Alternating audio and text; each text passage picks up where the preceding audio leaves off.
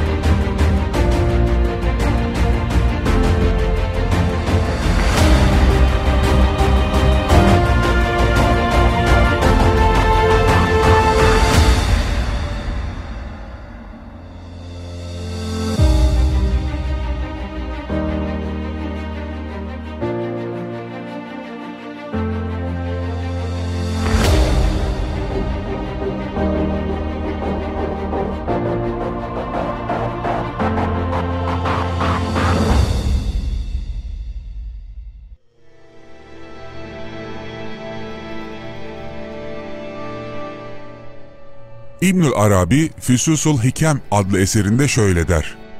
Allah katındaki din, Allah'ın seçtiği ve yaratıkların dinine karşı yüksek paye verdiği bir dindir. İbnül Arabi'ye göre bu bağlamda Allah Bakara 132'de şöyle buyurur. Bu dini İbrahim kendi oğullarına vasiyet ettiği gibi Yakup da vasiyet etti. Oğullarım, Allah sizin için bu dini seçti. Başka dinlerden sakının ve sadece Müslüman olarak can verin. Başka bir ifadeyle boyun eğerek ölün. İbnül Arabi'ye göre ayette geçen din belirlilik ve tanınma bildiren harfi tarifle zikredildi. Şu ayette getirilen din odur. Ali İmran 19 Allah katında din İslam'dır. İslam boyun eğmek demektir. O halde din boyun eğmen demektir. Allah katından olan boyun eğilen şeriattır. Demek ki din boyun eğmektir. Yasa yani namus ise Allah'ın şeriat yaptığı hükümdür. Allah'ın hüküm yaptığı şeye boyun eğme özelliği kazanan kişi, dini yerine getiren ve onu fiilen var eden kimsedir. O halde kul dini inşa eden, hak ise hükümleri koyandır. Boyun eğmek senin fiilindir. Böylece Allah dini fiilen var edip, sana şeriat yaptığı şeye boyun eğdiğinde seni kendi gibi saydı. Allah eserleri nedeniyle ilah diye isimlendirildi. Sen de eserin nedeniyle mutlu diye isimlendirildin. Mücadeleden vazgeçmek. Barış dini tanımlamasının anlamı bu. Çünkü akşam, daha doğrusu gece karanlıktan dolayı emniyette olmak gerekiyordu. Her şeyden el ayak çekmek. Sabah güneşinin temsilcisi SHR yani Seher ise az önce anlatılanların tersi için düşünülmüş bir tanrıydı. SHR'yi her gördüğünüzde yani her seherde yine yeni bir mücadele başlar. Yeni bir çalışma başlar. Toprağa sürersiniz, avınıza gidersiniz, yeni bir savaşa başlarsınız. Aletlerinizi donanıp maden içerisine girip demirle uğraşırsınız. Hayatta kalma mücadelesine yeniden başlarsınız. İşte bu mitoloji Ugarit'ten İbranilere transfer olmuştur. Transfer olmasının bir takım önemli toplumsal nedenleri var.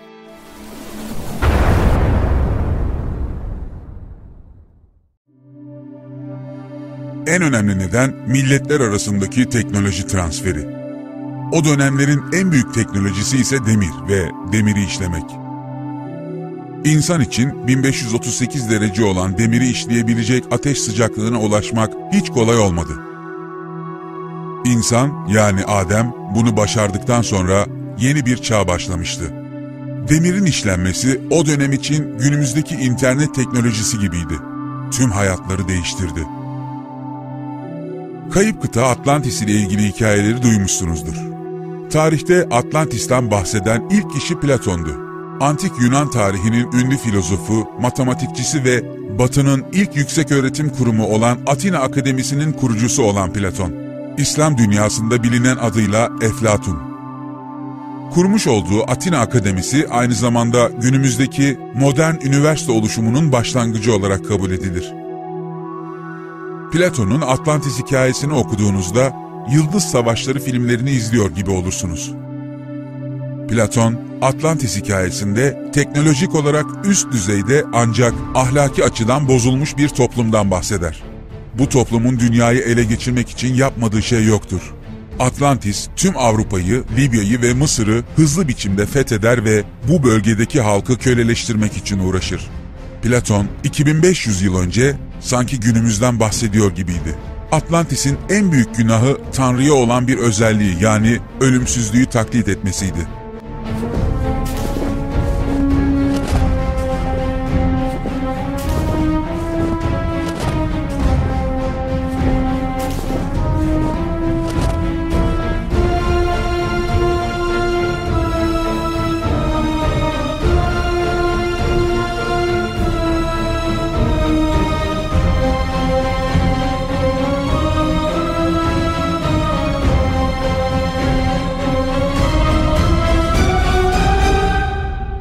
Atlantis'le ilgili bilimsel herhangi bir bulguya rastlanmıyor. Zaten Platon'dan yaklaşık 400 yıl sonra yaşamış olan tarihçi Strabon, Platon'un öğrencisi olan Aristo'nun Atlantis'in Platon'un tezlerini savunmak için uydurduğu hayali bir ada olduğunu ifade ettiğini aktarıyor. Sonuç olarak bu hikayede bahsedilen teknoloji demir olabilir mi?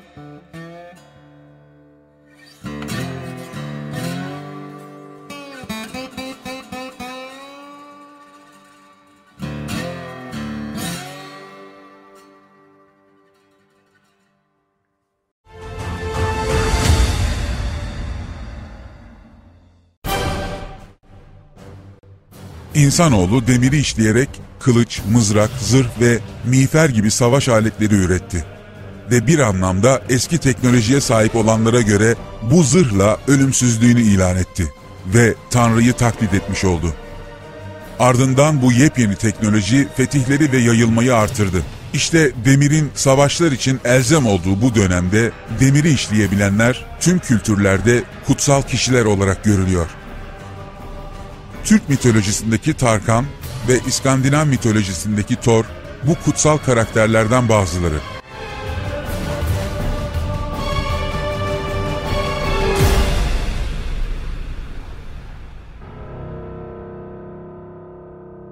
Tarkan ve Thor'un Mezopotamya'da da karşılığı var. Müslümanlar her ne kadar Hadid suresinde demiri biz indirdik cümlesini bir mucize olarak anlamak isteseler de kadim Mezopotamya'da Batı Samilerin tapındığı fırtına, gök gürültüsü ve yağmur tanrısı Hadat'tır.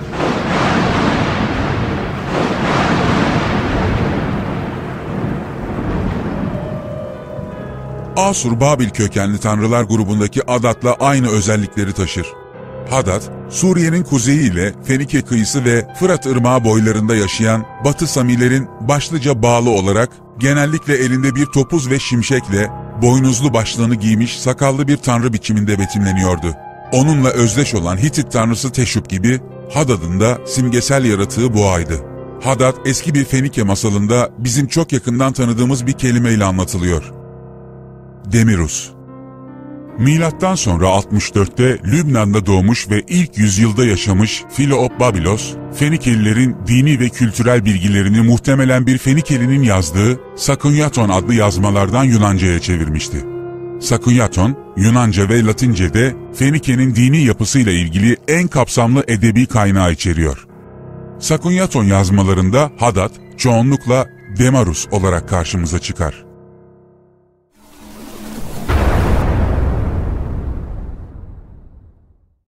Milattan önce 2000'li yıllarda hüküm süren Halep kralı sergilemek için Mari kralından İştar heykelini alıp Hadat tapınağına getirtti. Muav ülkesindeki Midyanlıları yenen ve Edom'un dördüncü kralı olan Ben Hadad, Hadadezer, Arami'nin kralı Davut tarafından yenildi. Bu hikaye tanıdık geldi mi? Dini metinlerde geçen Davut ve Calut masalını düşünün. Davut, Calut'u devirdikten sonra onun kılıcını alır ve öldürür. Evet, kılıcın sahibi Calut'tu. Hadad'ın öncesinde Edom krallığının yöneticisi ise Huşam'dı. Hu-Şam. Kenanilerde ve tüm Levanten bölgesinde el tanrısını Toru El olarak da adlandırırlar. İskandinavlardaki Thor, Türklerdeki Tarkan gibi. Toru El. Tur, tüm toplumlarda bir dağ kültüydü. Yanardağ. Çünkü tüm demir işleme merkezleri yanardağ eteklerinde kuruluyordu. Ancak yanardağ patladığında demiri işleyebilecek sıcaklığa ulaşılabiliyordu. Bunların hepsi ellerindeki çekiç ya da topuzla yıldırım tanrısı olarak karşımıza çıkar. Yanardağlar patladığı sırada yıldırım saçarlar. Bu yüzden yıldırımlara hükmedenler olarak da biliniyorlar.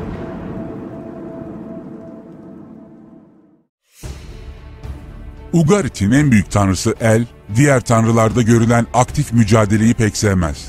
Pasif sükuneti tercih eder. Salimdir, selimdir.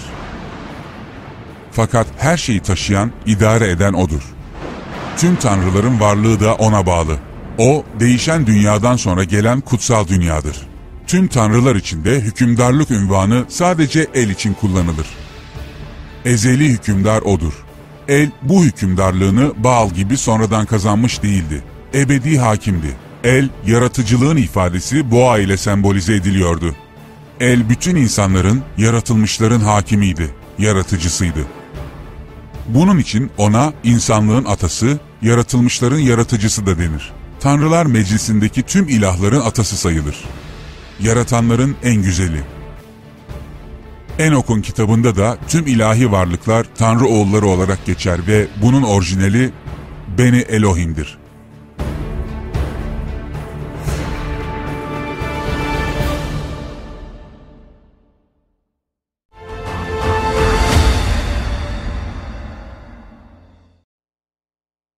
Ugarit metinlerinde el açıkça tüm ilahların üstünde ve ilahlar meclisinin başında görülür. Diğer ilahlar ona gelir, önünde secde eder ve yüceltirler. Kenaniler ya da tüm Levant bölgesinde El ya da İl, Ras Şamra yani Suriye'de bulunan tabletlere göre Tanrıça Aşera'nın kocasıydı. Evet, Tanrı El'in karısı Ugarit metinlerine göre Asirat'tır. Bu tanrıça Hitit rivayetlerinde El Kunirşas'ın karısı Aşertu'dur. Kelime Arapçaya Aşara olarak geçmişti. On sözcüğünün anlamı muhtemelen grup, deste, on parmaktan oluşan birim olarak buradan alınmıştı. Aşera, Mezopotamya'da Ammuru'nun karısı olarak geçer. Genellikle bütün tanrıların annesi olarak tanımlanıyor. Diğer tanrılardan Asirat oğulları olarak bahsedilir. Evet, Aşera, El'in karısı olarak onların dilinde Ellat ismiyle anılıyordu. El emri verir, tüm aşiret uygular.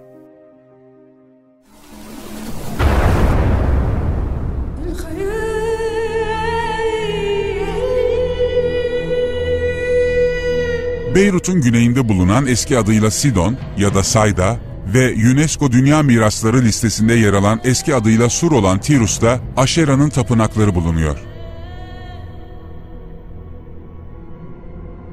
Bu iki şehir en meşhur Fenike kolonileriydi.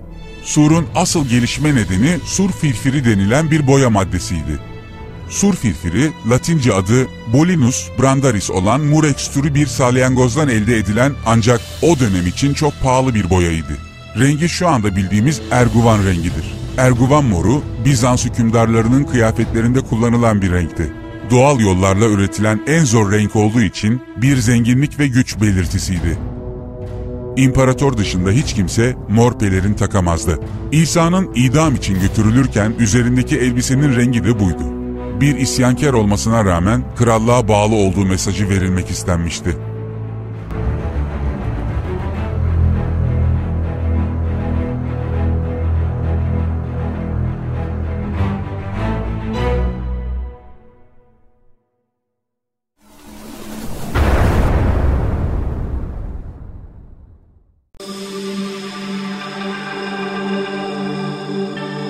Kültürel geleneklerin milletler arası aktarımı tarih boyunca yeni teknolojilerle oldu. Sistemi bulan, bu sistemle ilgili terimleri ve uygulamaları ilk üretenler, bütün bunları kadim tarih boyunca kendi sırlarını koruyarak kendi çıkarları için kullandılar. Bu gelenek günümüzde hala devam ediyor. İbrani metinlerden devşirilen yani İsrailiyattan aktarılan bazı İslami anlatılarda Tanrı elin temsilcilerine rastlayabiliyoruz. Cebrail, İsrafil, Azrail, Mikail. Biz elin iki kızına dönelim. Seleme'nin bölgesi Cerusalem'dir. En büyük tapınağı şu anda bildiğimiz Kudüs bölgesindeydi. Kudüs bu yüzden kutsaldır. Ona olan tüm saygı bu bölgeye gidilerek gösteriliyordu. Ona doğru giderek. O yüzden adı da buradan geliyor. Jerusalem. SLM'ye doğru. Salem'e doğru. Barış'a doğru demektir.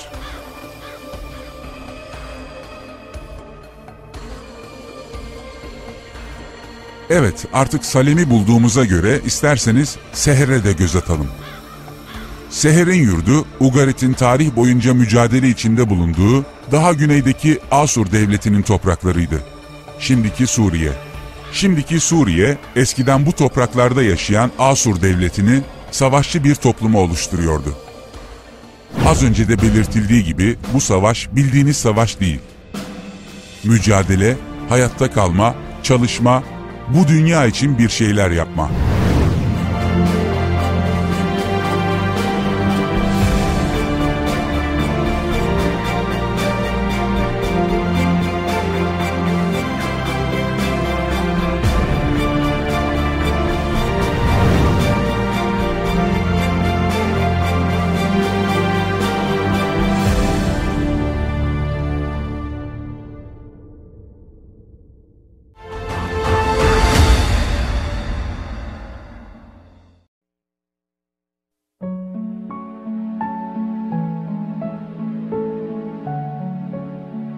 Bu mitolojiden evrilen SLM'nin farklı milletlerde farklı okunuşları vardır.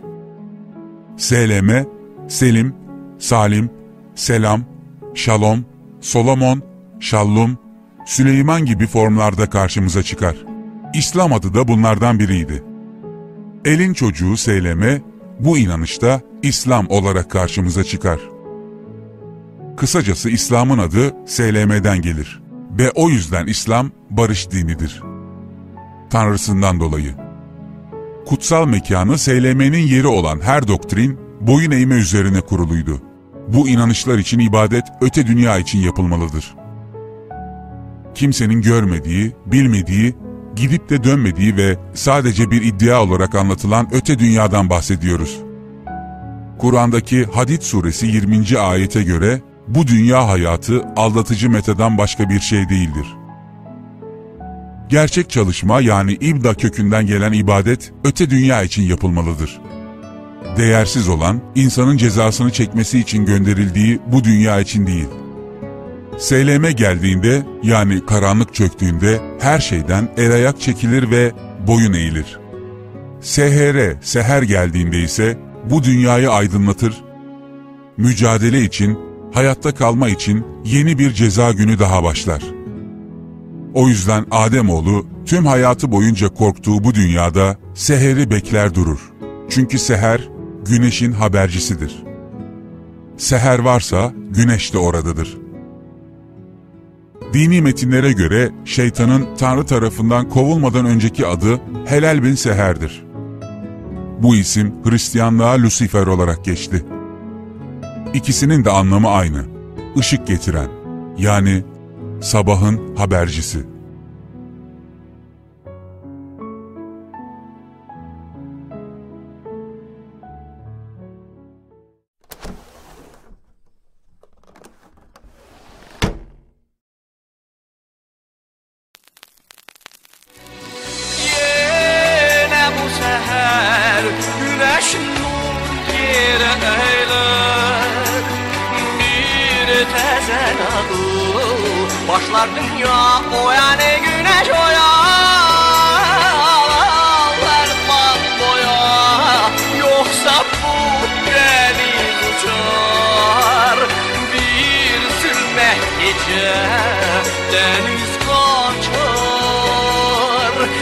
Elisa.